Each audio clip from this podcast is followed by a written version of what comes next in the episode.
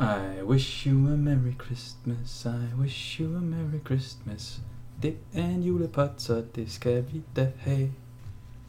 Det er ved at være jul, og vi har øh, fået lidt mere mod på tilværelsen, når man er Boston Celtics fan. Øh, ikke også, Peter? Eller øh, er, det, er det stadig lidt øh, mørkt deprimerende? Det er ikke særlig deprimerende. Altså, jeg kan sagtens være pessimist øh, og taget, taget med, med bagklappen, hvad hedder det, bagklappen på, eller hvad det hedder, øh, tilbageseende perspektiv, hvor vi sad med gravkammerstemning, så øh, vil jeg da sige, der skete noget derfra og fremadrettet. Så det er godt, at vi skal have noget mere gravkammerstemning. Det er bare, det er gravkammer julestemning. Jeg ved, jeg ved det ikke. Jeg er glad. Velkommen til, Peter. Jeg er glad for at have dig, have dig ved min side uh, interaktivt uh, over en Skype-forbindelse. Det er som altid hyggeligt. vi, uh, vi skriver i dag den uh, 19. december. Jeg er personligt sidder med en lille omgang snue og sådan lidt hyggeligt, så uh, hvis man sidder og føler jeg ekstra, ekstra irriterende at høre på øh, i forhold til, hvad jeg plejer, så er det fordi, der lige hænger lidt øh, i, i baghovedet. Så øh, det skal I selvfølgelig være velkommen til at fortælle os, hvis, det, hvis I synes, det er en, en, et, et for stort irritationsmoment. Men Peter, øh, det kan godt være, at vi sidder og er lidt glade her, og vi, øh, vi, vi, øh, vi er kommet igennem de her de sidste par uger med, med, med en 8 game win streak, men øh, det, det sluttede jo også lidt bræt, Peter. Lad os, lad, os, lad os tage det friskeste minde i erindring øh, til, til kærlig behandling. Vi taber til Detroit. Øh, mm. Hvad er det største problem ved det nederlag? Fordi det er, der er mange positiviteter, man kan tage ved fra hele den her periode, men hvis vi skal tage det her nederlag ligesom med, med, med det i mente, hvad er det så helt, hvad er det største problem, vi har lige nu øh, for, for, som, som Celtics fans? Det er vel det der med at se vores hold være klar.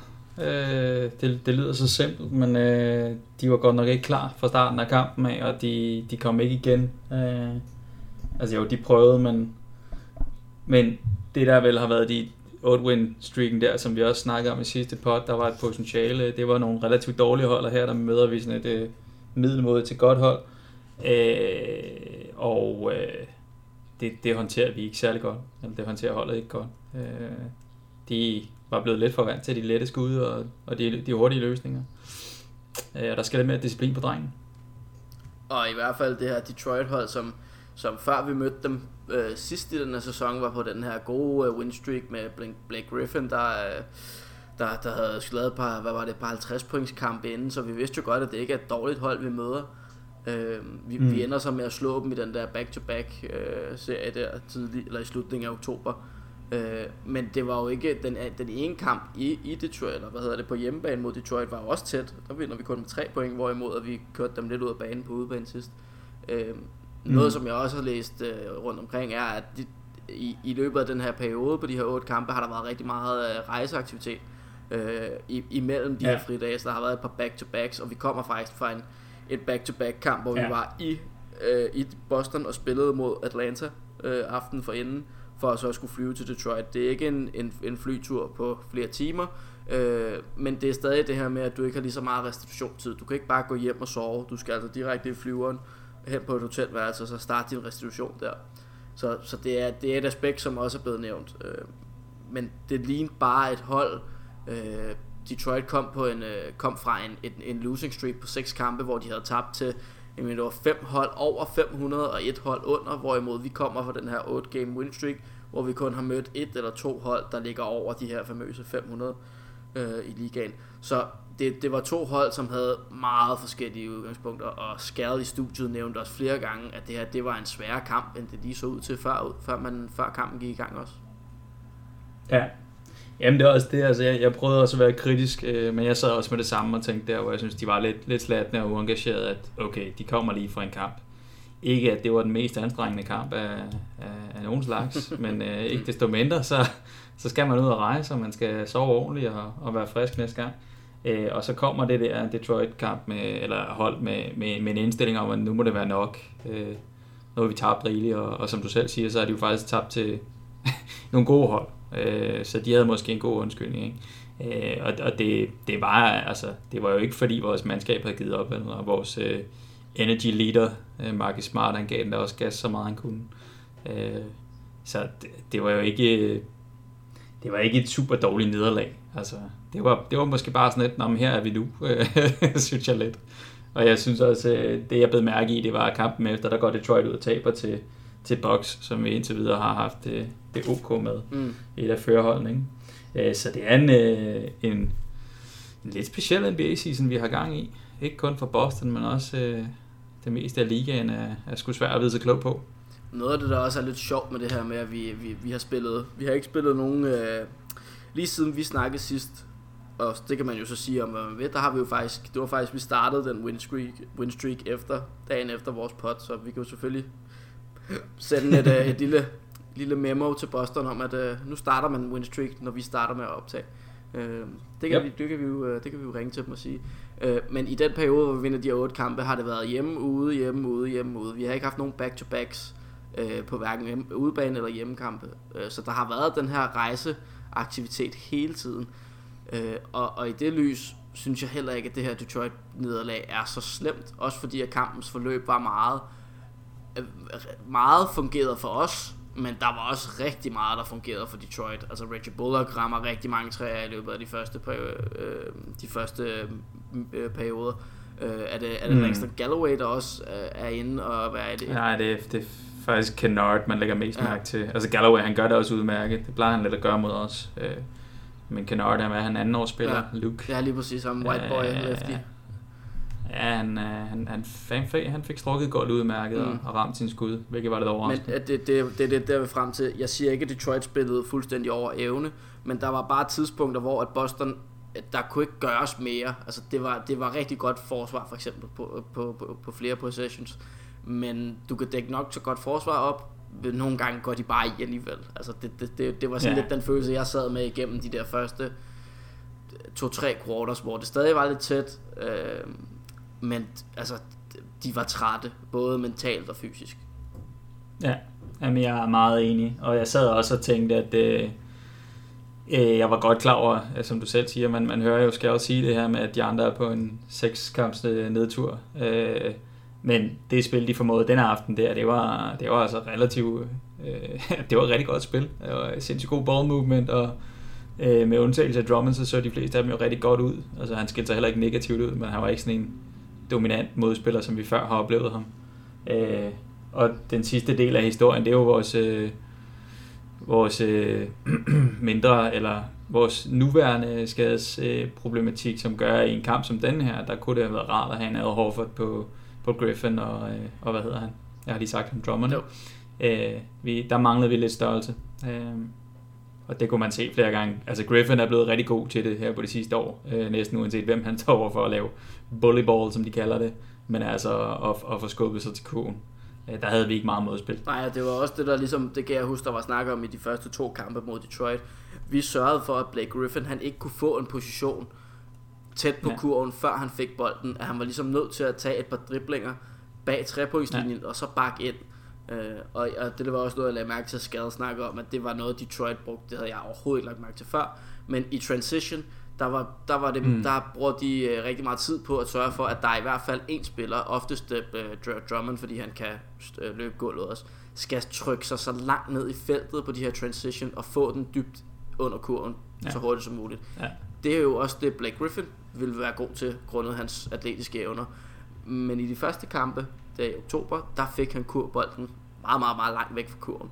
Men i den her kamp, hvor vi taber her i, i forgårs, der var det, eller for et par dage siden, der var det lige lovligt tæt på kurven, han fik lov. Det, og det er, meget, det er meget små ting, der kan gøre det.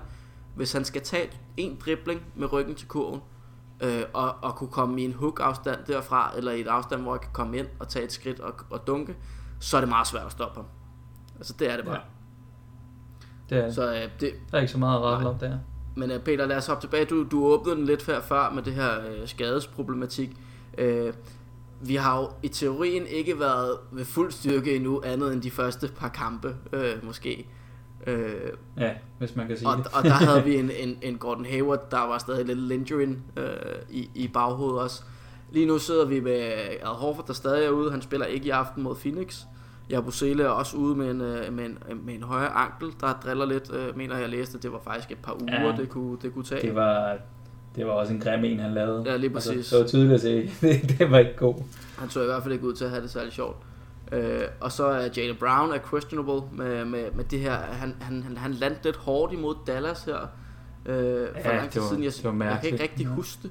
Øh, men men det er sådan, øh, jeg kan godt huske, at han, han var sådan lidt questionable i nogle andre kampe også, og var vist også ude lidt, så det, det er stadig ja, det, der... har, haft, han har faktisk haft, øh, undskyld, jeg opryder, man har haft lidt forskellige, ikke? Han havde den der over, han, han røg ned på haleben, mm og havde en lille pause, øh, og så tror jeg faktisk, det var en af de seneste kampe, hvor han, jeg kan huske, det var både ham og Tatum, der gled det samme sted og sådan noget mærkeligt.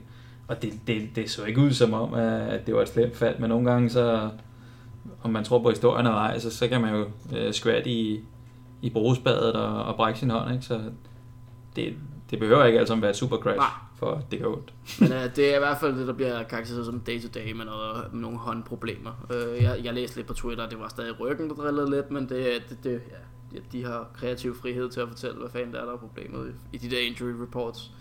Øh. Ja, og måske, altså, det kan da også være værd. Ikke, ikke at jeg tror, det vil holde ham for banen, men, men at tillægge det her øh, relativt ekstra pres, der er kommet på ham efterhånden. Jeg har ikke øh, siddet og læst de her artikler snorret, men, eller overret, men, men øh, jeg har hørt om dem øh, via, via andre podcast, at, øh, at, at Jane lidt er i fokus. Øh, og også lidt af en af, af dem, der får lidt ekstra skæld ud af, af holdkammeraterne. Fordi han ikke helt øh, ja, for, for gjort som, som aftalt. Øh, så jeg ved ikke om, om det, jeg tror ikke, der ligger så meget af det i det, men, men jeg synes efterhånden godt, jeg kan se ham på banen se lidt betænksom ud. Øh, og ikke lige så happy, som han har været før. Jeg tror altså, det er jo noget, der har været op og vende i tiden øh, efter, efter sidste sæsons meget, meget flotte præstationer, de her unge gutter.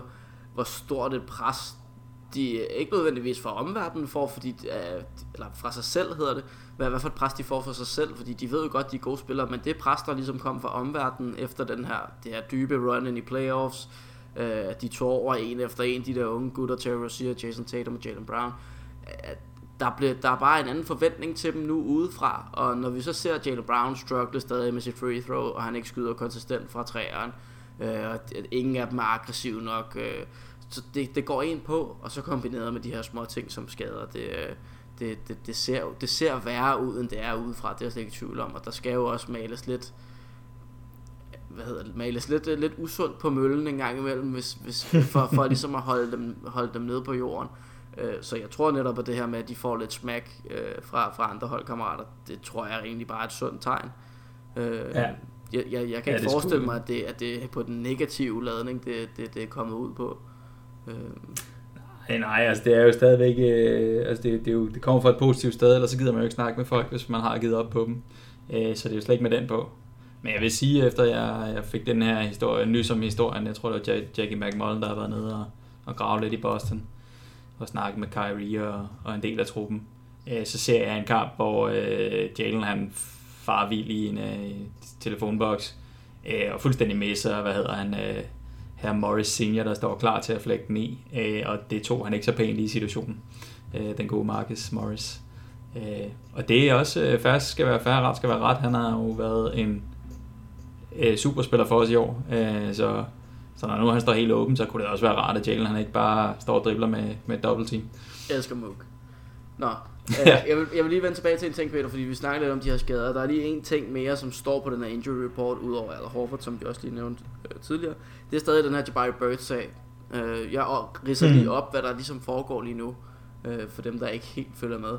Øh, han har været, eller skal i retten øh, i Boston for første gang her i den her uge, øh, hvor der kommer, eller hvor der bliver lagt lidt mere, belyst lidt mere, hvad der ligesom kan være konsekvenserne Øh, og lige nu er han vist overvåget af, øh, jeg, det må, jeg tror det er Jalen Browns mor, og hans tidligere high school coach, som ligesom øh, hjælper ham med hans day-to-day routines. Øh, han, han er ikke tilladt at være sammen med holdet øh, i forbindelse med træninger eller rejser eller noget, det er derfor man ikke ser ham på bænken. Øh, mm. Han står som det, der hedder out personal, øh, men det er, det, det er lidt under den her nye CBA, når det er legal issues, så må de ikke rejse med holdet øh, i forbindelse med kampe og træning og sådan noget, så det er derfor, man ikke ser ham. Det, der kan ske, ja. eller er sket, jeg er ikke helt sikker, er, at øh, enten så bliver, kommer der noget, noget domafsigelse med, med, at han bliver så guilty, og, og alt det der retslige er jeg ikke med på, men det, der kan være det ærgerlige i det her aspekt, øh, udover at det selvfølgelig er en ærgerlig sag, er, at hvis det kan gå sådan, at han får en ny tid i retten, og den tid i retten vil så være senest en uge før trading deadline øh, til pres, pres på. Det betyder så, for, vi er, det er en meget ærgerlig sag øh, for Boston, og selvfølgelig også for Jabari Bird, men for, for Boston betyder det, at du har et roster spot, som du kan, du kan ikke gå ud og shredde den her salary, før der kommer noget retsligt på bordet, eller før NBA siger, at Altså, under den seneste CBA kom der et eller andet punkt med, at, øh, at når der er nogle retslige ting, som, som det her øh, house, øh, hvad hedder det, domestic violence, kan de shredde kontrakten, kontrakten, så du får det ekstra roster spot. Øh, men hvis ikke det her sker inden den der sidste retslige dato der, så kan Boston i teorien være fanget lidt med den her spiller øh, på deres roster. Og det er jo lidt et problem, hvis man antager, at, øh, at der kommer nogle skader hister her til nogle af de her øh, spillere.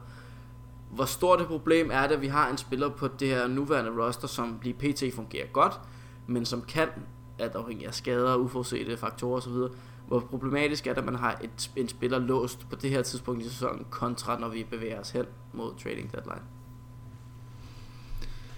Jamen altså lige nu virker det faktisk ikke som noget problem, ikke andet end at det øh, selvfølgelig har et blikfang øh, i forhold til pressen med noget negativt. Øh, fordi at, øh, vi, vi har jo svært nok ved at finde minutter til de spillere, der er på bænken. Øh, hvis der så sker noget, og vi lige pludselig har to store øh, bærende guards nede, øh, eller andre spillere for den sags skyld, så det er jo stadigvæk en plads, som, som vi ikke kan gøre noget ved, og vi har jo allerede snakket om lige nu lidt mangel på størrelse, selvom øh, vi slet ikke har været oppe og juble over Robert Williams endnu. Øh, så, så det er sådan både overagtigt, øh, og jeg har slet ikke fået øh, kommet med nogle skæve bemærkninger om Austin Rivers endnu, han er vel øh, til at lege med. Jeg håber ikke, at han overhovedet er i overvejelse, at skulle få et roster spot på nogen måde. Jeg har hørt lidt, at de gerne vil have ham i Philly. Øh, eller ja. Boston fans, der vil gerne have ham til Philly. Øh, så det, det må folk ja. selv lige sådan sidde og, og lure lidt på, hvorfor, hvorfor det skal være sådan. Ja, og hvorfor vi snakker om Austin Rivers. Oh, han, er, ja. han er ikke nævne, nævneværdig i, min hoved. Jeg, jeg kan jeg, jeg, vil, jeg vil sige, at i de forgangne år, der, der fulgte jeg jo meget bedre med i resten af NBA, og jeg synes, han spillede godt hans sidste år i Clippers. Øh, men det ville skulle være lidt forfærdeligt for ham og ligaen, hvis øh, farmanden nu skulle give ham endnu et job fremadrettet. Så øh, jeg tror selv, han skal løse den dengang. Han skal tilbage til Clippers, og sådan er det. Peter, lad os hoppe videre for de her lidt, øh, altså de her injuries, det ser ikke ud til at være noget, der påvirker øh, længerevarende. Vi har fået lov til at se lidt, øh, lidt Robert Williams her i, i de sidste, i den her win streak. Øh, vi har fået lov til at se lidt mere Mook action, øh, har fået langt flere, øh, han har fået nogle, nogle gode oplevelser, Udover at han selvfølgelig har været vigtig for bænken i meget lang tid, men han har fået nogle gode oplevelser. Altså det har set ud mm. som om, mm. han rent faktisk har glædet sig til at få de her chancer sent i kampene. Hvorimod at i det her streak, hvor det gik lidt skidt, der var han jo en af dem, hvor man godt kunne se lidt på, at det, at det gik ham på, at det ikke gik godt for hverken ham eller holdet. Øhm, så, så rent mentalt tror jeg, at det har givet ham et løfte, at, han, at, at de her oplevelser har været her. Øhm, hvad, hvad, hvad tager ja. vi ellers med for de her otte kampe, Peter? Fordi det har jo været hold, som på papiret vi alle sammen har skulle slå. Hvad, hvad tager ja. vi med ellers? Ja, men det, altså, der er jo øh, en, en grundlæggende fed og positiv historie i øh, ændring i startopstillingen, og det har ikke noget med Al Horford at gøre, fordi vi ruller, rykker altid lidt rundt på vores bæks. Men altså indføringen af Marcus og Marcus, det har umiddelbart haft en rigtig positiv effekt. Øh, og det er selvfølgelig en sample size, hvor vi altid er lidt bagkloge omkring, øh, hvem vi har spillet mod.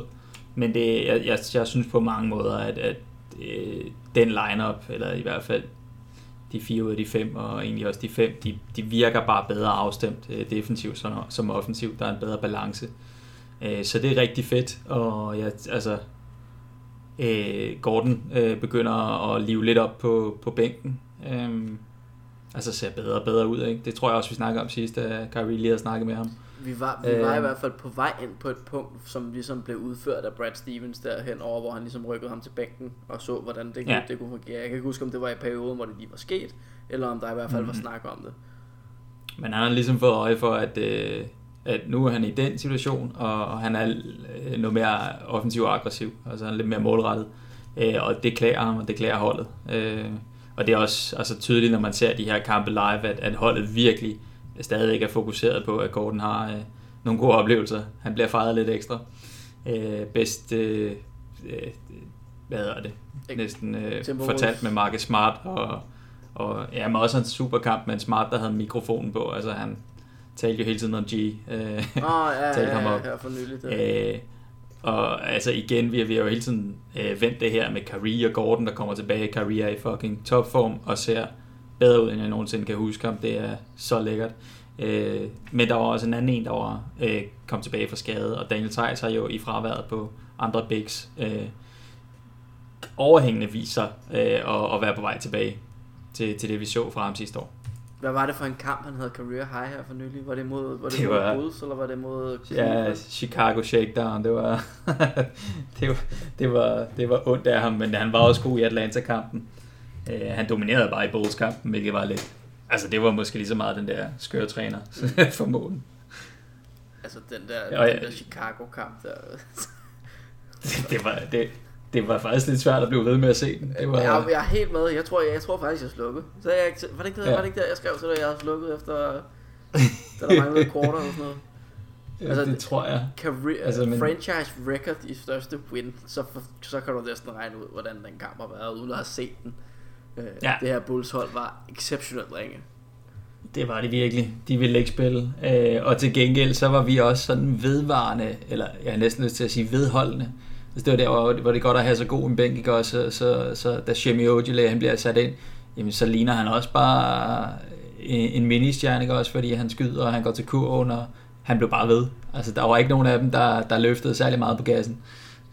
så uden at det var sådan et rekordforsøg, så tror jeg bare, der var mange, der tænkte, nej, det er da sjovt at spille i dag. Lad os fortsætte. Men altså i det hele taget, i de her, nu nævner jeg bare lige de her rigtig dårlige hold i min verden, som vi har mødt i det her, i det her lille stretch. Cleveland, Mm. at vi taber, at vi taber til dem to gange der i preseason, der var jeg nærmest, jeg var ved at græde, fordi det kunne jeg næsten ikke have. Øh, det, var, det var så hårdt for dem fyge at se mig til at tabe til dem to gange så tidligt. Dem slår vi Ja. med ja, næsten, næsten 30 point. Eller over 30 point faktisk. Så at det hold skal vi jo slå. Der, der, det er også en kamp, hvor vi sidder... ja, Det, det var ikke kedeligt, fordi vi kan godt lide at se vores hold, men det er hele de her kampe, når man møder de her dårlige hold, og se hvor dårlige de her hold er. det er virkelig exceptionelt. Jeg rykker flux videre til New York Knicks. Vi scorer altså 128 point på dem. De scorer 100, ja ja. Øh, jeg ved ikke om du så Devin Bookers tweet her mod øh, Enes Kanter øh, fra, fra, fra for i går, tror jeg, i forgårs. Nej. Enes Kanter havde været ude og tweete noget med uh, Take the L book eller et eller andet, noget af den stil. Og så Devin Booker havde svaret igen med, hvad der er blevet øh, fortolket som en, en uh, scouting report på, øh, på øh, kampene mod New York Knicks. Det som Booker han skriver, pick and roll at double zero all pos- at every possession. Altså som i, at du, de skulle køre på Enes Kanter i pick and roll situationer, hvilket er meget velkendt, ikke er hans kop te. Øh, Mm. Og det var sådan lidt et skud mod Enes Kanter, hans, hans måde at spille på. Ja. Så de, de, her, de her spillere, som også er gode, men ikke særlig gode. For dem, for dem lagt lidt på, på is, det var i hvert fald fedt med, med Cleveland, men også Enes Kanter, som har været ude og, og tale lidt smack til, til, til diverse medier i løbet af de her sidste par år. Og Atlanta er det dårligste Ja. hold i NBA, i NBA i min verden. Ja, hvad var det for et første quarter, vi havde der? Jeg var, altså, jeg, jeg vidste ikke, om jeg skulle grine af græde, da vi var foran øh, nogen af 25 eller det var helt sindssygt det første Var det quarter. ikke noget med, at de havde 9 point eller sådan noget efter første kvartal, eller 8 point eller sådan noget? Wow, Nej, ah, det var ikke den kamp. 19 19-42 efter første kvartal. Så ved man godt, hvor det banede. Altså, hvis man, hvis man har to 40 points quarters i en kamp, så, så skal du ikke tabe en basketkamp. Nej. Øh, og, eller være tæt på det, den, den for sig. Nej, jeg er faktisk øh, imponeret over en, øh, altså en af, en af Atlantas veteraner nu, ikke? Ken Baseball, han lignede en på et tidspunkt, der bare ville smides ud af kampen. Øh, men han fik tøjlet sig selv og fortsat sig øh, i den lidt bedre veteranstil. Øh, men han var godt nok mopset der i tredje kvartal. Øh, kan man ikke forstå, vel? Bliver bare sønderbrylet. Hvor hårdt tror du, det er at spille for sådan nogle? Altså, nu har jeg, jeg har selv prøvet at spille nogle fodboldkampe imod nogle, i, i nogle rækker, hvor man, hvor man godt vidste, at man var overmatchet på den ene eller den måde, og man godt vidste, at det var en lang sæson. Hvor hårdt tror du, det er at vide, at du skal igennem det her i 82 kampe? Vi har jo trods alt måske kun prøvet det i, ja, lad os sige, en halv sæson på 10 kampe. Ja, men øh, uledeligt. Øh, altså, for enhver person, der har den der vindermentalitet, øh, så er det fandme svært. Og altså, så, jeg, jeg vil ikke sige, at jeg har sådan en, en rigtig, rigtig, rigtig can't lose, eller can't stand to lose øh, mentalitet. Øh, Øh, også fordi, at, som du måske selv lige lavede op til, hvis man ved det, inden man starter kampen, øh, så burde man nok justere efter det, men de her mennesker bliver så også betalt på det højeste plan for at gå ind til den her kamp, og så kan man jo ikke rigtig gå ind med sådan en, og jeg chiller bare, ikke? altså de skal jo også sælge sig selv til den næste kontrakt, så det, det er en umulig situation, de står i, øh, og ubehagelig, fordi ja, man bliver godt nok fremstillet på, på en skidt måde. Ikke? Jeg synes, det, altså, det er et helt sindssygt interessant emne, fordi jeg synes, altså jeg, jeg kan godt lide, øh, lad os tage et spiller som Trey Young. Jeg er vild med hans måde at spille på, fordi den kan være så eksplosiv, og lige pludselig fra, fra sekund til anden tage fart. Jeg er helt vild med det. Mm. Han er i min bog en, en nærmest for lille spiller. Altså han er en for stor defensiv liability, når hans ja. offensiv output ikke er bedre end det er nu. Øh, til, ja. til, at, til at kunne spille for et hold, der er bedre end Atlanta. Øh, det som jeg synes er det største problem med Trey Young, taget i betragtning af, hvor, øh, hvor god han har været i college, og hvor stort talent det ligesom blev opfattet som, det er, at jeg synes, det går meget hurtigt, både for ham, men også rigtig mange andre spillere på det her Atlanta-hold. Jeg har set, desværre til tider, øh, et par Atlanta-kampe, og det, det, det er lidt ligesom med Chicago i nogle af de her kampe, hvor de, hvor de kommer hurtigt bagud. De, de ligner bare, det ser så opgivende ud på en eller anden måde. Det, det, så, det ser så ladet ud.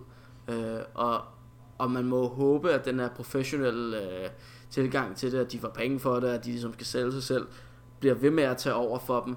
Men når man ser dem i allerede i kamp ja, 28 for Atlanta gå, og at spillerne bare ser lavet ud, så er der altså langt til kamp 82 og sommerferie. Ja, det er der. Så det er mit, mit største problem med det her, øh, med de her hold, som bare er dårlige. Altså, de, de er bare dårlige. Der er ikke rigtig noget at gøre ved det.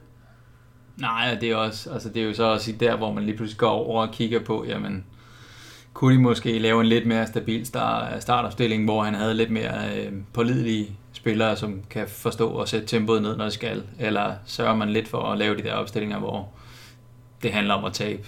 Øh, jeg skal ikke kunne sige, hvordan en træner håndterer den der tanking øh, øh, ja, tankegang, men det er jo lidt, det, det er jo det, de laver, ikke? Altså, de skal jo gerne bare være dårlige. Fred Højberg var i hvert fald ikke god nok til at, til at være hverken god eller dårlig, mente de i, i Chicago, men det er en, en snak til en anden sag. Øh, ja. Det fede ved den her Atlanta-kamp, øh, jeg så den sådan med et halvt år, jeg så resten dagen efter, øh, det var det, er det her momenter med Vince Carter, øh, som, som, som får stående ovationer af Boston-fansene, og, og har også, øh, er, det, er det der, han slår en rekord, eller er det kampen efter? Det kan jeg sgu ikke huske, men han slår i hvert fald, altså, han, han rykkede forbi Paul Pierce her i nat, men han slog også en anden rekord med nogle tre pointer her i forgangne uge. Ja, men han kom i hvert fald op, jeg tror i vores kamp, der kom han op i et selskab med to andre, som var sådan noget, øh, de eneste 41 år, der havde scoret 10 plus i Ja, det kan godt være, det er det, jeg tænker på. Øh, ja, men det er altså, jeg elsker til jeg stadigvæk Vince Carter, jeg er fandme glad hver eneste gang, jeg ser ham. Ja, jeg er helt enig. Jeg er fuldt, det var også derfor, det var sådan lidt det, der redde. Altså selvfølgelig var det fedt at få et, et win, men det var sådan lidt det, der redde det, helhedsoplevelsen. Øh, ja. at, at, få et lille Vince Carter moment med os. Øh, det, det, kan altid, øh, det kan altid sætte et lille smil på læben. Peter, øh, vi, vi snakkede lidt om det før. Der er også sket en lille smule, øh, det er jo lidt, det er jo ikke helt breaking news, men det er en rigtig, rigtig fed historie. Time Lord nicknamet er jo dødt. Eller er det? han, han, altså, det er jo den fedeste historie, der er for den kamp jo. Altså, det, det er så fedt. Han har jo virkelig, virkelig spillet rigtig, rigtig godt, hvis vi tager spillet på banen til at starte med. Øhm, og og han, hans, hans per, øh, per 48 minutter var det noget med, at han snittede 5 eller 6 blocks eller sådan noget, eller 7 blocks eller sådan noget per, per 48 minutter. Ja, det er stadig nok. Det var meget højt. Og har haft flere kampe med, med 5 blocks, øh, og jeg, som jeg snappede til dig der den ene nat, øh, med, hvor, han, hvor han står over for Anthony, Anthony Davis i Pelicans-kampen. Øh, ja. og, og ikke domineret, men blev bestemt heller ikke domineret. Altså, der var momenter, hvor han virkelig lignede den gavede defensiv anker, som kunne spille op med de bedste, og tidspunkter, hvor han havde rigtig, rigtig gode offensive instinkter også, både i offensiv rebound-spillet, men også det her scoringsmæssigt og placeringsevnemæssigt. Det kan, det kan altså godt blive godt, det her, Peter. På kan det sagtens. Ja, det er, det er rigtig flot, som, øh, ja, som hans øh, udvikling umiddelbart er, har foregået i, i Celtics rang. Øh, vi var jo ikke så imponeret af ham til at starte med. Øh, men øh, jeg ved ikke, om han har taget skeen i en anden hånd, eller om han bare har startet ekstremt dårligt. Fordi det, vi ser fra ham, det er, det er virkelig opvækkende og, og så positivt, at man bare sidder og ja, gnider i hænderne og håber, at han lige får de der to-tre minutter, han skal have til at, at lave et par blocks og, og løfte stemningen, især i TD Garden. Ikke? Øh, men du har ret, den der Nola-kamp, den var noget specielt. Øh, og jeg vil dog også i, i sådan lidt bagklogskab sige, at jeg sad og kiggede meget på Anthony Davis, som kom fra en lille, jeg ved ikke om det er en hofteskade eller sådan noget, hvor jeg tænkte, han var ikke super aktiv, Anthony Davis, men øh, det skal ikke tage meget fra, fra herr Williams. Han gjorde det rigtig godt, og kom altså op og blokkede nogle rigtig høje skud også. Ja, ja, det er det. Han har jo længden til det. Det som, ja. det, som jeg rigtig godt kan lide ved, ved Robert Williams, jeg havde ham jo forholdsvis højt på mit draftboard i forhold til, at han røg så langt ned til Boston. Øh, det fede ved ham er i hvert fald, hvad jeg ser nu kontra i starten. Øh, og hvis man sætter ham op imod nogle af de andre spillere, som spiller den her store mands position i Boston. Al Horford er meget verbal. Han er meget, øh, han, han er en fysisk tilværelse øh, rent forsvarsmæssigt ved at han går op til at starte med, ligesom Aaron Baines også gør, og ligesom markerer med armene ud til siden, at det er her, det foregår, det her, det er mit felt. Og jeg ved godt, det ikke er meget, men, det, men hvis der er en, en, hvis der står en mand på to meter og et eller andet foran dig, øh, og har armene ude, så ser det alt, afhængig, eller alt andet lidt, øh, lidt mere skræmmende ud, end hvis der står en, øh, en guard på 1,60 ja. med armene ude. Så det er den her fysiske tilværelse, og han snakker meget mere Robert Williams, og er også begyndt i de her handoff situationer, som han bliver brugt rigtig meget i offensivt, og ikke kun at gå til first option, men også at mm. tage mm. øh, de her handoff for eksempel, hvor Kyrie Irving har bolden, afleverer den til Robert Williams, løber højre om, og det er meningen, at han skal få et direkte handoff. Så bliver der ja. sat en screening på weak side til Gordon Hayward for eksempel, som så kan komme rundt om og få en, uh, et, endnu et handoff, og så uh, hvad hedder det, drible mod kurven. Mm. I starten var det nærmest kun Kyrie, der fik det den her. altså det var, det var ja. Forsvarsspillerne kunne satse på, at det var det, der skete, og så skete det. Nu ja. har han begyndt at gå langt med til de her second options, så føler sig lidt mere stabil og lidt mere sikker i det her offense. Og det er meget vigtigt til at betragtning af, hvor meget Al Horford bliver brugt i det her offensivt spil. Ja. Så på, på den måde handler det jo ikke kun om, at han blokker skud og scorer point, de nemme blocks, eller de nemme dunks osv. Det handler om at få ham implementeret i det her system, og få gjort ham god den vej også. Det er fuldstændig rigtigt, og det, det er så rigtigt alt det, du siger. Det, det er meget tydeligt at se. Øh, jeg synes også, både han og organisationen har været ude og, og sige, det går lidt stærkt det hele, øh, men, men vi holder ham i hånden og, og hjælper ham så meget vi kan. Og han, øh, han lader til at være lærernem, hvad det angår. Og så bliver jeg simpelthen bare nødt til at tilføje, at altså, det er svært at lave sammenligninger uden at lyde øh, som en eller anden stereotyp øh, mand, men jeg, jeg, jeg føler, når han, den mand hopper, at han svæver lidt ligesom Joel Green. Jeg, det ser så, øh, så let ud. Det er helt vildt. Jeg elsker, når han lige øh, altså, griber en bold og vender i samme bevægelse og flækker kurven i stykker. Altså. Og ja, det, han er virkelig en ener i, i vores trup PT. Øh, og det er så fedt. Det, det så var også det, vi sagde allerede dengang. Vi, vi, ja. Ikke at vi draftede ham, fordi han var stor atletisk, men det var jo i teorien det, vi manglede. Altså en, en ja. stor, stærk center, som kunne rebounde, og ligesom at komme med lidt fysikalitet også. Ja, han er ikke øh, voldsomt tung af en center at være, men han er, han er atletisk, og det var ligesom det, vi havde brug for. Og jeg, jeg kan ja. godt se lidt, hvad du mener med Jared Green, selvom det er lidt svært at sammenligne en på hvad, 6-7 ja. og en på 7-2 eller 7-1, ja. eller hvad Robert Williams er. Men jeg kan godt se, hvad du mener. Det er, det er en, en elastisk bevægelse, når han hopper, i stedet for det der meget tunge ja, stormandshop. Jeg kan godt se, hvad du det mener. Det er ikke fordi han tramper i gulvet, men lige pludselig så er der bare take-off, og så, så svæver han bare lidt. Øh, og der er Gerald Green mere tydelig, fordi han har, ja, hvad kan man sige, han har en lidt kortere krop, ikke, og kommer stadigvæk jerndødt højt op. Øh, men det, det er bare lidt det samme, der gælder. Og man, det, det er som om, det går lidt i slow motion, når først øh, de to de er i luften. Fucking awesome. Hvad, hvad, hvad skal vi så se fra ham allerhelst? Lad os så antage, at uh, det lyder som om, at Horfords skade er sådan en... Uh, vi holder dig lige ude lidt længere, for at du kan være frisk i marts og april. Så du får lige nogle kampe nu, du får nogle i januar, bla bla, for ligesom at det her knæ ligesom kan holde. Hvad skal ja. vi se for ham, uh, eller fra, fra Robert Williams, i de her perioder, hvor han skal ind og erstatte Aaron Baines og Daniel Tice på de her stormandspositioner. Hvad skal vi ligesom se øh, fysisk eller rent udfoldelsesmæssigt øh, fra ham de næste par kampe?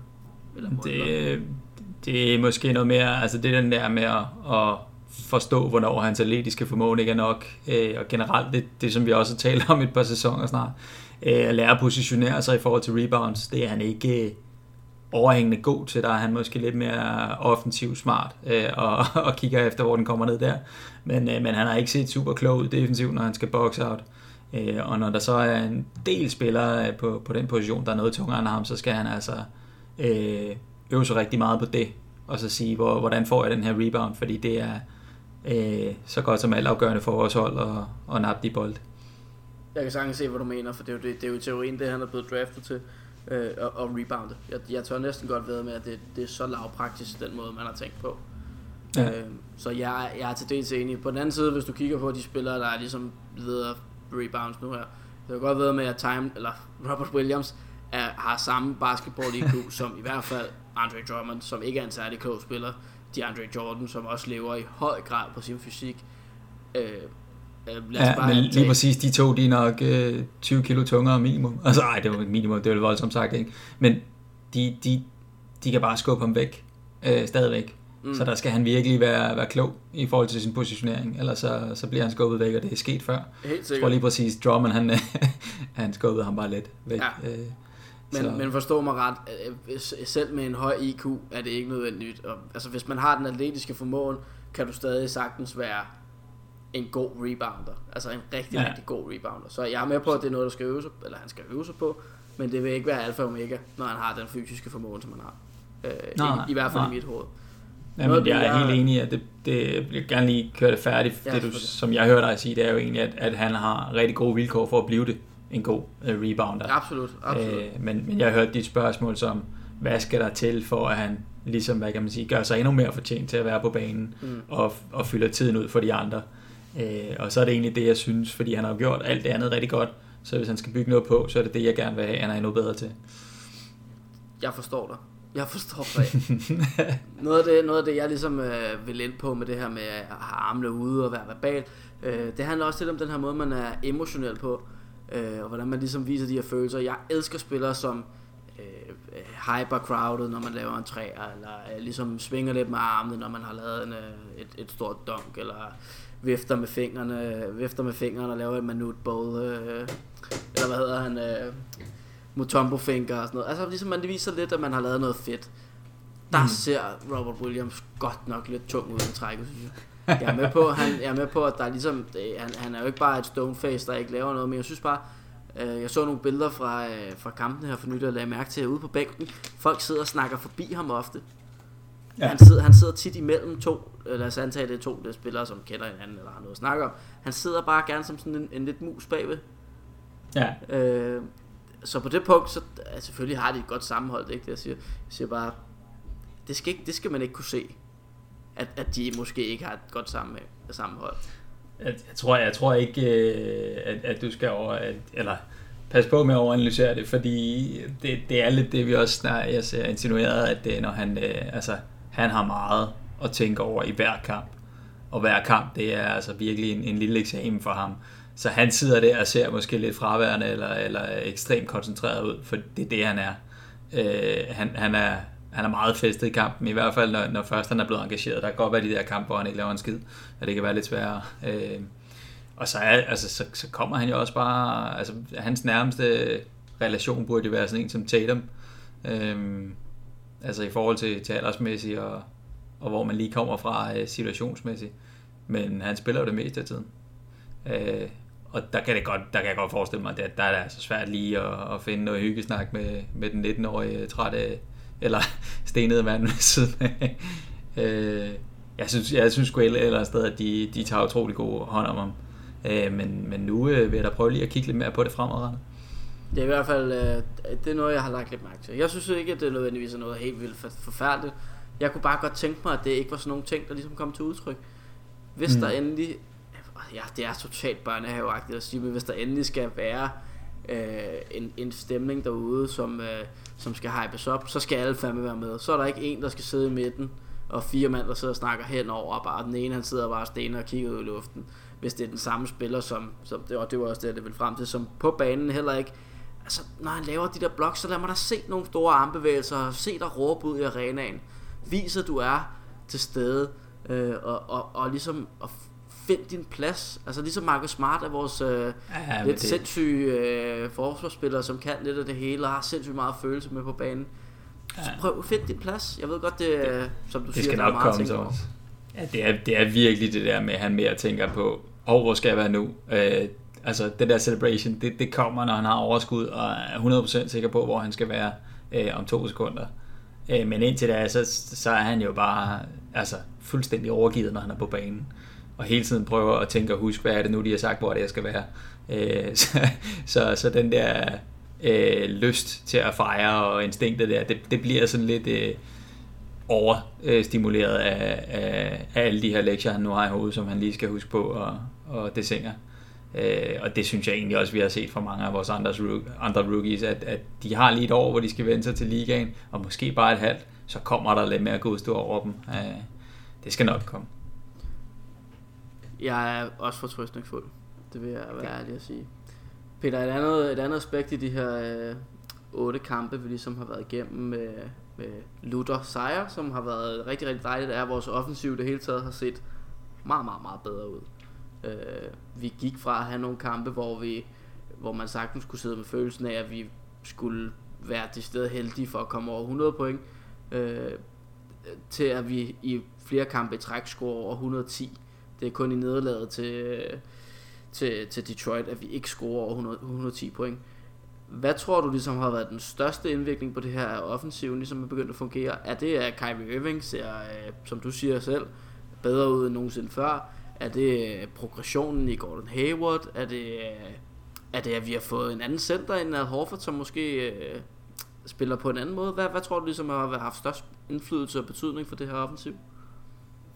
Det er sjovt, du nævner det, for jeg mener også, hvis man lige tager den bagfra, ved sidste gang, at jeg nævnte det her med, at jeg synes, at samarbejdet mellem Horford og, og Irving sagtens kan, kan blive bedre. Men, øh, men hvis jeg skal være rigtig grovkornet, øh, så vil jeg jo faktisk sige, øh, re, altså, at fjernelsen af, af hvad hedder han, Jalen Brown har gjort tingene mere simple på banen. Øh, det der med at have fem spillere, som er ret overvist om, hvad de skal og hvordan de skal gøre det sammen, det, det synes jeg er det, der, der har gjort forskellen. Øh, ligeledes Gordon i, i anden geled, jamen der er han lige pludselig the leader. Det er ikke øh, hele tiden øh, til Rosier, der skal have den i, i hånden. Øh, de, altså der er en, ikke at det er ham, der nu hele tiden har den, men der er en bedre fordeling. Øh, og folk er blevet lidt mere skarpe i, hvad, hvad det er, de skal gøre for, øh, at de lykkes og holdet lykkes. Øh, og der synes jeg også, øh, at Jalen Brown i, i nogle øh, klip, vil jeg sige, nogle få kampe, fordi han har haft de her skadeproblemer, har kommet ind og vist øh, noget af det, han virkelig kan bidrage med. Øh, men, øh, men han er måske den, der er mest forvirret stadigvæk over, hvad og hvornår. Øh, så det er lidt Jalen Brown fixeret for mig dengang. Og jeg, jeg, vil, jeg, vil, jeg vil i teorien bevæge mig samme sted hen også. Øh, fordi jeg synes også, at det er netop af bænken, som ligesom har været det nærmest det altafgørende. Vi snakkede rigtig meget om, at det her med, at vi har et rigtig, rigtig dybt, dybt roster, øh, og at alle de første fem, eller måske syv spillere, der kommer fra bænken, kunne være starter rigtig mange andre steder. Det, der har været fedt at se på bænken, er selvfølgelig, at Gordon Hayward har været bedre, øh, og er blevet bedre progressivt. Men det, at man er begyndt... Jeg, jeg, jeg tror seriøst, at Brad Stevens har sagt, bolden skal igennem Gordon Hayward minimum en gang, før man afslutter, når, når, når de der fem bænkspillere er inde. Øh, ja.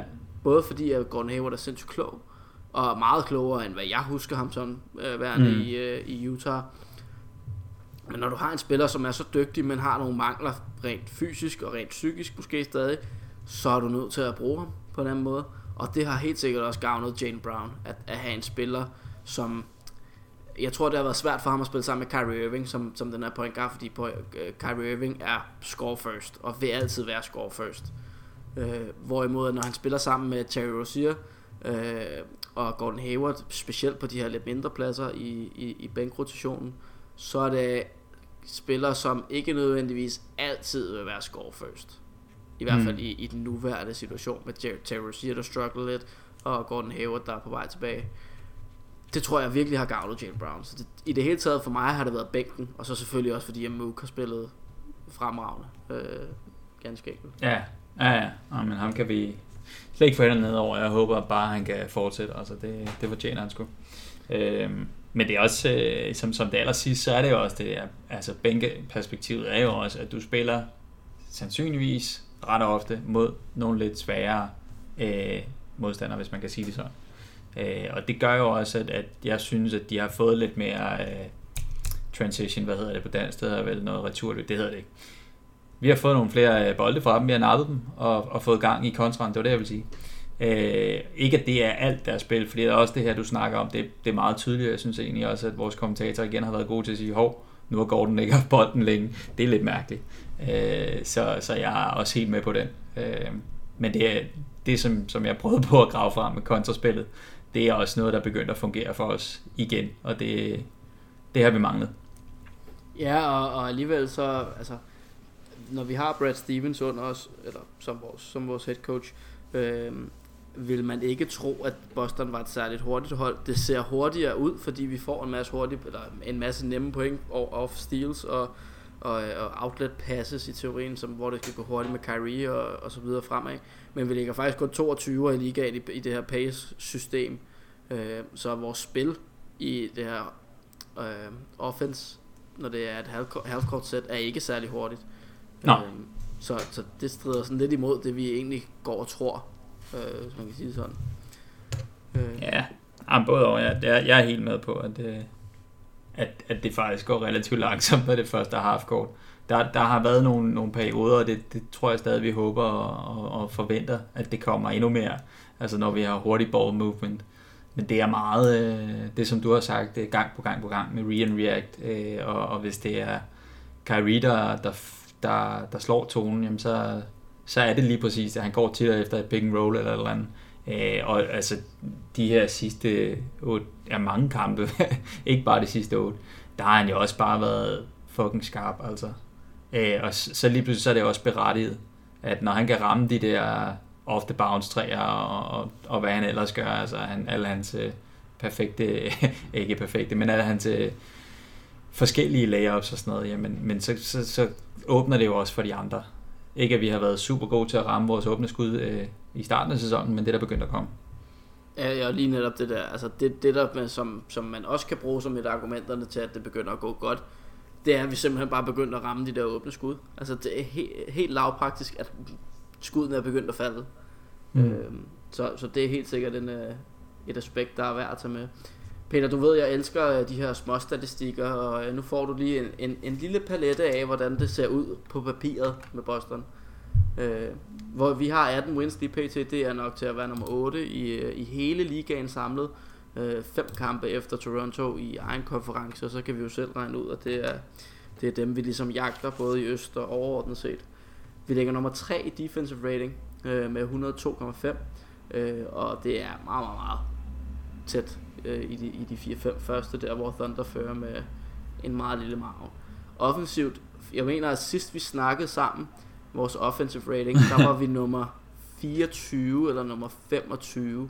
Ja, det øh, der for 14, 14 dage siden. Vi ligger nummer 13 i ligaen nu med 109,6 point per kamp. Og det, ja.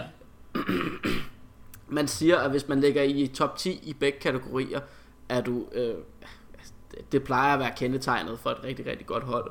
Øh, så, så på den måde kan man sige, vi er tæt på, øh, mm. og meget tæt på endda. så, så, så helt slemt er det ikke. Det så værre ud, da vi, da vi lå nummer, ja, de der nummer 20 i den her offensive rating. Øh, det er 4 point per kamp mindre end Warriors, som ligger nummer 1.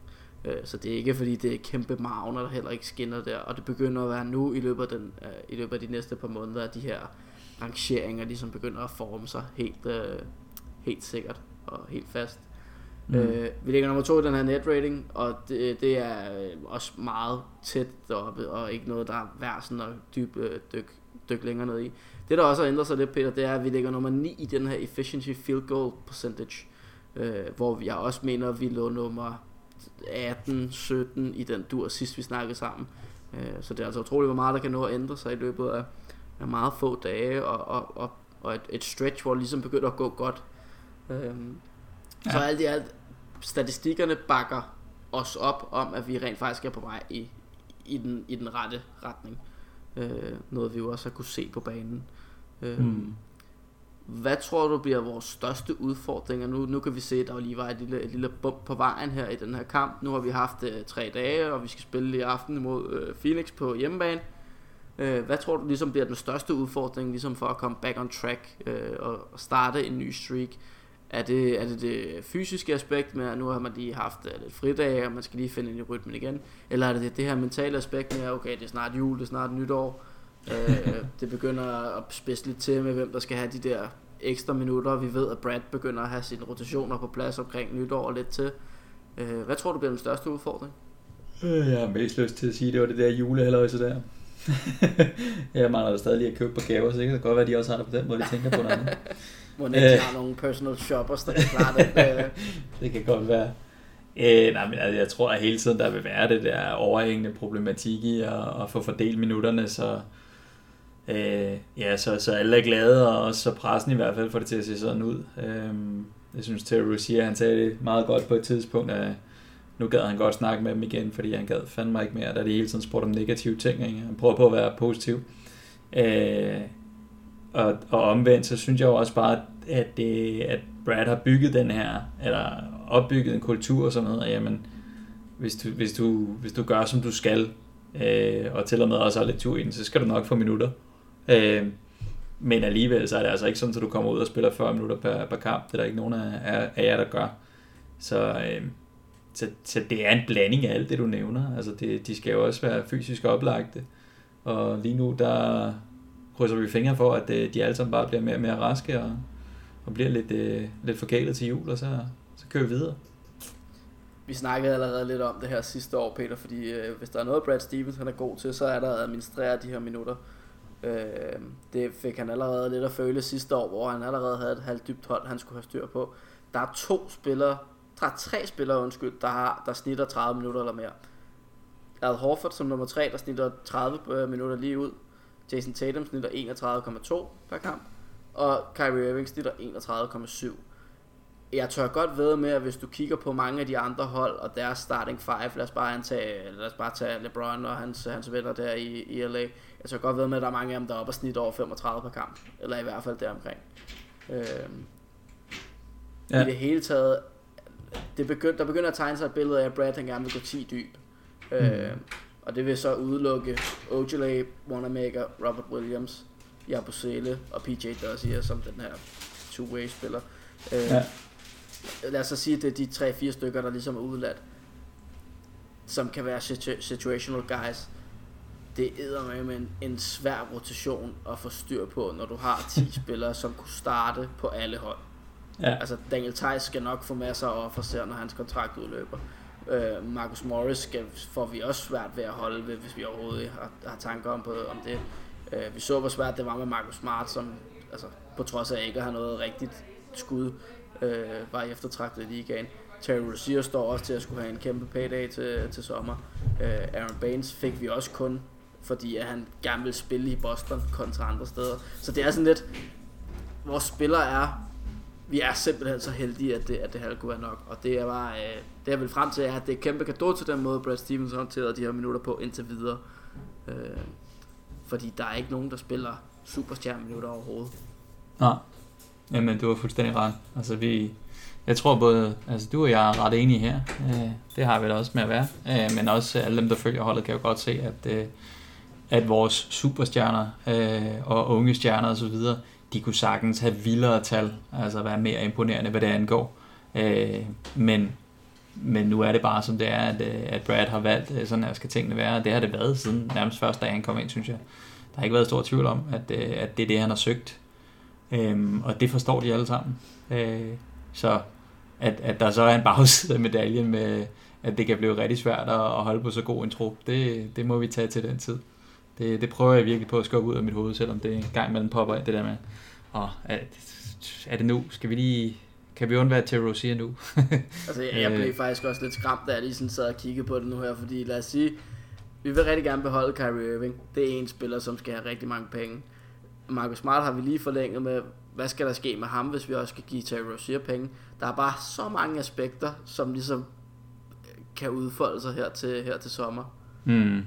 Og det er også, altså vi bliver nødt til at forholde os til sådan det der dag til dag-agtige og tage sæsonen øh, i, i, et, i et flow, ikke? fordi at, at hvis man er meget øh, skyklapagtig, jamen så vil den seneste tid jo måske indikere, at vi godt kan undvære en Terry Rozier.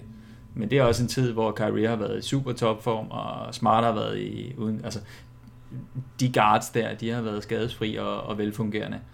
Øh, så det er altså sådan, du ved, altså, ja, det, man skal have det fulde billede, øh, og, og det får vi nok ikke, før vi er kommet igennem sæsonen. Øh, om ikke andet, så kan vi jo trøste os ved allerede nu, at, øh, at Phoenix har lavet den der åndsfag trade, så, så de har vel nærmest ikke noget at med, hvis de skulle gå efter en, en Rozier.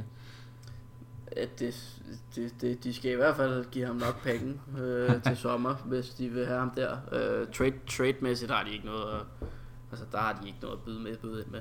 Øh, Nej øh, hvad var det, jeg ville sige? Jo, Peter, nu har vi snakket lidt om, øh, om det her schedule har været sådan lidt, øh, lidt ikke problematisk, men sådan lidt, øh, lidt shady her hen over de her otte kampe, hvor vi rent faktisk har vundet. Det, der sker med vores schedule nu, er, at vi får rigtig mange kampe i træk hjemme, for så at få lidt udkampe. Altså sådan med, at man, vi har ikke så meget rejsetid øh, hjem og ud. Øh, enten så er man hjemme i et stykke tid, eller så er man ude i et stykke tid. Øh, de næste fire kampe er hjemmekampe, så får vi de øh, tre udebanekampe, øh, og så er det blevet 2019. Så har vi fire hjemmekampe i træk igen, tre udebanekampe i træk igen. Hmm. Så hedder den to hjemme, en ude, og så er det fem kampe hjemme. Øh, og så er vi nået til, til februar måned.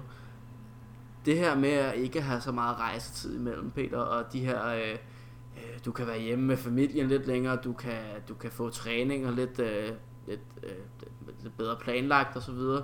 Øh, hvad, hvad tror du, det betyder for, for et hold her i de her juledage også, hvor det, ja, de spiller så godt nok på, på hjemmebane juledag øh, mod Philadelphia, men efter det og hen over nyt, og til nytår øh, er, de, er de på en away trip.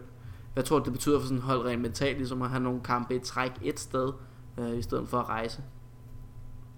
Men jeg tror, at det er mere øh, behageligt på en eller anden måde. Det, det, det er lidt sjovere at kunne øh, planlægge sig ud af nogle ting. Altså nu er det rent faktisk muligt at sige, at øh, vi har nogle gode træninger, og, og i øvrigt så kan jeg se min familie og min kære øh, i eget hus. Jeg tror, det, det, jeg synes, det er lang tid siden, jeg hørte sådan en som Gordon Hayward sige, at jeg glæder mig sgu da til jul, jeg, jeg er hjemme med familien. Øh, det, er, det er vist ikke særlig typisk for en NBA-spiller at have muligheden for det. Så, øh, så det, jeg tror at de glæder sig over det. Øh, og så er der de andre perspektiver, som jeg lige har nævnt, at, at jeg synes, det har hold indtil videre, og det, det var vel næsten inden vi startede den der win streak, at de lige havde en 3-4 dages pause. Og det får man jo ikke, man får ikke pause af, hvad hedder det her kamp hver anden dag, eller hvad vi har der i, i slut december. Men, men, men du har jo muligheden for at gå hjem og sove, og så lige mødes på, på et bekvemmeligt tidspunkt til, til en træningssession. Jeg tror øh. bare, det giver så meget det der med, at man kan, altså, så har du trænet, du har restitueret, du har spist, så kan du i teorien gå ud og drikke en kop kaffe med din kone eller andet, altså i stedet for at du hele tiden har, at du hele tiden skal et eller andet on the road, øh, eller ja. bare skal være på et hotelværelse, når du er on the road. Ja, Jamen, øh, og jeg har ikke siddet og fulgt de andre hold, men jeg synes, jeg har hørt det lidt i krone, at det, det virker som om, at der har været noget bedre scheduling i år. Øh, og det ser da i hvert fald sådan ud på vores ende lige nu. Øh. Problemet, problemet med sidste år var jo, at vi havde den der tur til London, hvor vi efterfølgende havde øh, jeg kan huske, om det var før eller efter, hvor vi, havde en, hvor vi skulle have en lang stretch uden kampe, for at komme tilbage til USA og døgnrytme og sådan noget. Øh, og så have en lang stretch med ude- eller hjemmekampe, det kan jeg sgu ikke huske. Men der var planlægningen lidt skæv på grund af de der, det er jo 10 dage eller sådan noget, hvor der ikke var kampe, udover den ene i, øh, i London der mod Philadelphia. Mm. For ja. lige at opsummere det, jeg snakkede om før, Peter. Før, de, øh, før i øh, den kamp mod øh, Detroit, havde Boston skulle tage et fly til hver kamp. 14 kampe i træk. 14 kampe i træk, hvor de havde skulle tage et fly for at komme til, til, til kampen. øh, vi har spillet næst færrest hjemmekampe så indtil videre i den her, øh, den her sæson. Vi har kun spillet 12. Og vi har en OK hjemmebane statistik, så vidt jeg husker. Ja, hvad er vi? Øh, vi har tabt tre kampe på hjemmebane, tror jeg. Ja. Og så vundet en 8-9 stykker. Jeg sad og kiggede ja. på det lige før. Øh, hvor jeg Boston? Det har jeg her. Home, der hedder den 9-3. Away, der hedder den 9-8. Øh, ja. Så der er en lille forskel. Ikke at det altid er et mønster, men øh, det kan man da godt glæde sig lidt ved. Hvis vi tager mønstret med videre, så skal vi over de næste 22 kampe, som jeg ligesom gennemgik lidt her med hjemme ude, hjemme ude. Der har vi 15 hjemmekampe og 7 kampe på udebane. Øh, så så på, på den vis kan man jo se frem til, hvis det matematisk går op, øh, til, til en, en god portion flere wins Ja. end, øh, end, end losses. Yeah. Øh, så selvfølgelig er det... Altså, jeg synes bare helt det her med, at vi kun har spillet 12, 12 hjemmekampe, det havde, jeg, det havde jeg i teorien ikke rigtig tænkt på. At det var så let. Det er kun Jazz, der har spillet færre, de har spillet 11 gange på, på hjemmebane. Øh, så det bliver godt med, med nogle gode lange øh, homestands, øh, og så vi bliver fri. Jeg hader de der, altså hvis kampene starter før eller efter klokken 1, ikke? Hmm. Altså, så kan jeg ikke, så kan jeg, kan ikke hænge sammen. Altså, nu har vi et par kampe klokken, øh, klokken 12 og klokken halv 12 og Ja, så er det lidt, og, lidt, og klokken, lidt bedre. klokken 1. Ja, lige præcis. Det er lidt mere medgørligt. Øh, Altså, så jeg, det glæder jeg mig til. hvis, øh, hvis jeg skulle gøre noget impulsivt, så var det fandme lige at hoppe på et fly der øh, slut december. Øh, så til de to udbanekampe i Memphis og San Antonio. Det, det kunne være en sjov tur. Jeg ved ikke hvorfor. Er eller andet med Memphis, som det, det bliver jeg nødt til at opleve på et tidspunkt. Jeg vil sige, den away stand der med Rockets, Grizzlies og San Antonio, det er måske ikke der, vi skal sætte øh, hele børneopsparingen på, øh, på 20 point sejre, og vi scorer over Nej, 140. Øh, det er tre svære kampe, men udover det, er det her ske- schedule, altså, det er selvfølgelig svære kampe. Det er ikke lige så nemt som, som de her sidste otte kampe, men det er klart imod hold, som vi, som vi skal slå Yep. på en god dag. Altså når, hvis alt fungerer, skal de slås. Øh, Yes, sir. Indiana, svær størrelse. Øh, Spurs kan altid drille lidt. Houston kan jo score 150, hvis de har lyst nærmest. øh, Bucks, øh, lidt et af de svære hold i øst i år. Det, det, er lidt, det, er lidt, øh, det kan være både fugl eller fisk, kan jeg sige sådan. Altså, Men øh, Har, har vi spillet mod Indiana i år? Fordi det er faktisk et af de hold, der har overrasket mig. De bliver jo ved med at være gode.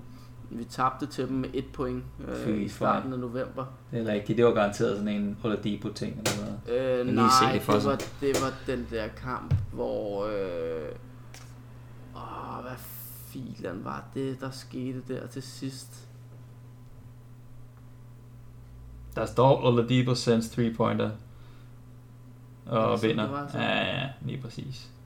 Han var en rigtig stor mand i starten af sæsonen. Ja, 24 point. Det, det, det kan jeg sgu ikke helt huske. Men ja, det, det, det lyder meget usandsynligt, at det var en uh, Oladipo uh, dagger, der gjorde noget ondt ved os. Men Peter, det her schedule, det, det, det, ser, det ser okay ud. Vi, uh, ja, altså i det hele taget, hvis, når vi skal når vi evaluerer på et tidspunkt i slutningen af januar, så kan man for alvor sige, hvor den her sæson bærer hen af, tror Ja. jeg. Ja. Altså det, jeg tror, det er de næste... Så, så Brad Stevens skal have lidt styr på sin rotation, og der kommer et All-Star break der i... Oh, hvad fanden er det? Hvad fanden er ja. All-Star break er der? Det plejer at Hvad hedder den weekend der? Det er Uh. midten af februar. Ja. Ja, efterfølgende. Så lige omkring, lige omkring All-Star break, synes jeg, det er det, det vil være okay at, at evaluere både på Brad Stevens og de uh, rotationer, som vi er vant til at se være på plads, uh, men også hvordan det her, om, om vi er i contention til at være nummer 1 i øst, eller om Toronto er stukket af, Ja. uh, eller hvordan det kommer til at se ud. Jeg er i hvert fald fortrøstningsfuld, Peter. Jeg er Det er lidt mere fortrøstningsfuld end, end, end sidste gang, vi, vi åbnede og lukkede ballet uh, med en podcast, derfor havde ja, små 16 dage siden, 17 dage siden. ja, fra gravkammerstemning til julestemning. Det er udmærket. Det er jul for fan. Det er jul, man. Vi, øh, vi Jamen, glæder os lidt mere ja. end sidst. det gør vi sgu. Det er gode tider. Så nu må vi jo bare krølle den og nærmest ønske folk god jul. Og, altså, vi starter på en, en blød en, ikke? Ja, det skulle kunne lade sig vi, gøre. vi er ved at nå dertil. Den står på Phoenix Suns i aften klokken halv to øh, på hjemmebane i TD Garden. Øh, Phoenix Suns, der kommer frisk fra et nederlag til, til double zero fra New York. Og bliver forstærket med Kali Oubre. Det bliver Ja. farligt. Ja, nu ser vi, om de spiller. Han spiller i nat. Han Ja. var, han var aktiv, eller han fik en DLP der i, imod New York, mener jeg det var. Ja. Øh, så nu må vi se. Det bliver, Ja. det bliver spændende i hvert fald. Peter, det har været en sand fornøjelse. Vi siger øh, begge to god jul til både hinanden, men også til dem, der lytter med. Yep, yep.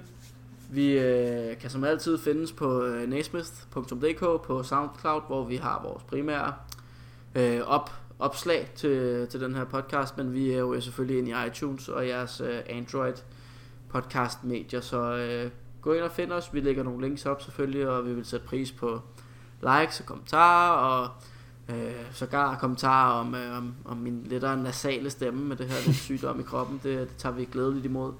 Øh, så drop os et like, som man siger. Yep. Øh, vi tager imod det med kysshånd. Ellers så er der ikke andet end at sige øh, god jul og godt nytår til Nations netværk også. Øh, LWA, humørspillerne. Øh, den 6. fejl, det er der, man finder det. Mm-hmm. Øh, og så til sidst, god jul og godt nytår til dig, Peter. Tak, i lige måde, Thomas. Det har været en fornøjelse. Vi, øh, vi snakkes ved på den anden side. det gør vi.